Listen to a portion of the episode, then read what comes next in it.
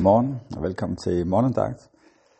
I dag så skal vi læse fra Apostlenes Gerninger, vi læser fra kapitel 23 og vers 1. Paulus så fast på rådet og sagde, Brødre, ved den bedste samvittighed har jeg til den dag i dag levet mit liv for Gud. præsten Ananias befaler dem, der stod ved siden af ham, at slå Paulus på munden. Der sagde Paulus til ham, Gud skal slå dig din kalkede væg. Du er sat her for at dømme mig efter loven, og så overtræder du loven ved at befale at slå mig. Men de, der stod ved siden af ham, sagde, skal du Guds ypperste præst ud? Og Paulus svarede, Brødre, jeg vidste ikke, det var ypperste præsten. Det står skrevet, du må ikke forbande dit folks øvrighed. Men da Paulus vidste, at den ene del af rådet bestod af sadukærer, og den anden del af fariserer, råbte han, Brødre, jeg er fariserer og stammer fra farisæerne. Nu skal jeg dømmes for håbet om de døde opstandelse. Da han sagde det, opstod der en strid mellem farisæerne og sadukærerne, og forsamlingen blev splittet. For sadukærerne siger, at der hverken er nogen opstandelse eller nogen engel eller ånd, men farisæerne hævder begge dele. Der blev en voldsom råben, og nogle af de skriftkloge fra farisæernes parti rejste sig og gjorde indsigelse. Vi finder ikke, at den mand har gjort noget ondt. Tænk, hvis en ånd har talt til ham, eller en engel. Der blev sådan en strid, at kommandanten var bange for, at de ligefrem skulle rive arme og ben af Paulus. Derfor befalede han mandskabet at gå ned og få Paulus væk fra forsamlingen og ført ind i borgen. Den følgende nat stod Herren foran Paulus og sagde, Vær ved godt mod, for ligesom du har vidnet om mig i Jerusalem, skal også du vidne i Rom. Amen. Vi er her i Apostlenes Gerninger, hvor Paulus er taget tilbage til Jerusalem, selvom han har fået profetier og kundskabsord omkring, at det ville blive svært, det ville give trængsel for ham, og han ville komme længere på det, så han har alligevel gjort det. Og, øhm, og han er nu kommet, blevet lidt reddet af kommandanten, og farisæerne og altså, sadukærerne har været efter ham. Og nu vil kommandanten finde ud af, hvad er det for noget, så han har taget ham ned til rådet. Og her fører vi så den her øh, udveksling af, af meninger og holdninger, og meget fysisk kan man mærke også, at de reagerer på de ting, som, som de oplever. Og, øhm, og Paulus er lidt fræk. Han, han ved, hvem forsamlingen er, og sætter dem lidt op mod hinanden, i det han begynder at tale om opstandelsen, og, og ved, at sadokærerne for eksempel ser meget forskelligt på det.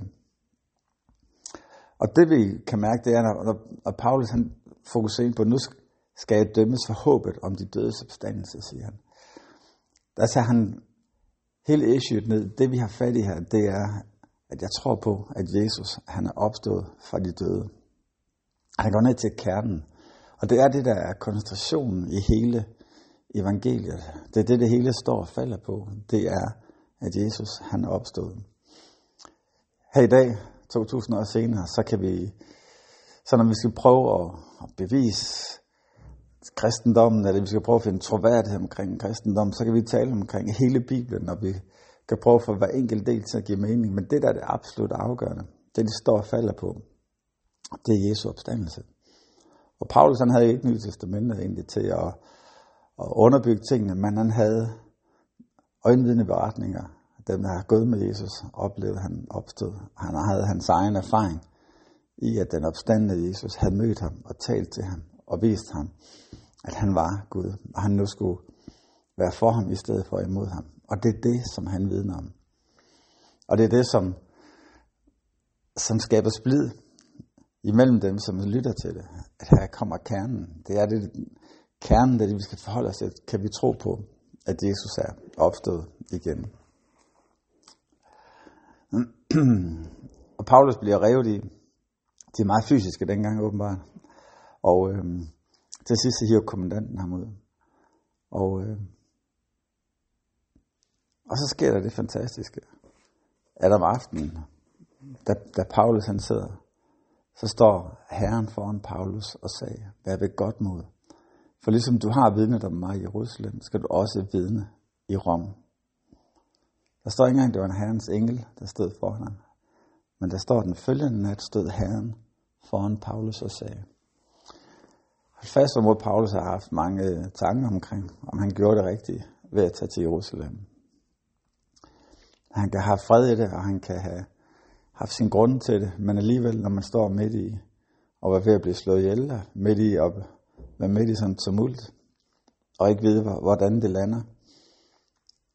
Og have sådan en nat, hvor Herren, Jesus selv, kommer og siger, jeg er med dig, og prøv det her, det er en del af den plan, som der er, og du skal komme hele vejen til, til Rom. Og det er noget, det, det er jo det her, der er med til at gøre, at han senere anker hans sag til Rom, så han kommer hele vejen derhen, og, kommer, og får lov til at fortælle om opstandelsen af Jesus for Roms kejser. Og var det et, et vidnesbyrd om, at Gud han er trofast midt i de ting, vi er i, så har han ikke forladt os, og så er han med os, og så vil han vise os vejen. Så lad os bede sammen og takke om, for at han også i dag vil møde os på den måde. Jesus, tak for den du er. Og her tak, at du hjælp Paulus midt i, at han har været udfordret af, om han er den rigtige vej. Tak, at du selv stod for ham. Og her tak, at du er tilgængelig for os i dag også. Jeg beder for, at du vil vise dig for hver enkelt, som oplever at have brug for det. Her vil du, vil du trøste og hjælpe og give vidsthed om, at du er med os. Det takker dig for i Jesu navn. Amen. Amen. Håber I får en rigtig dejlig dag.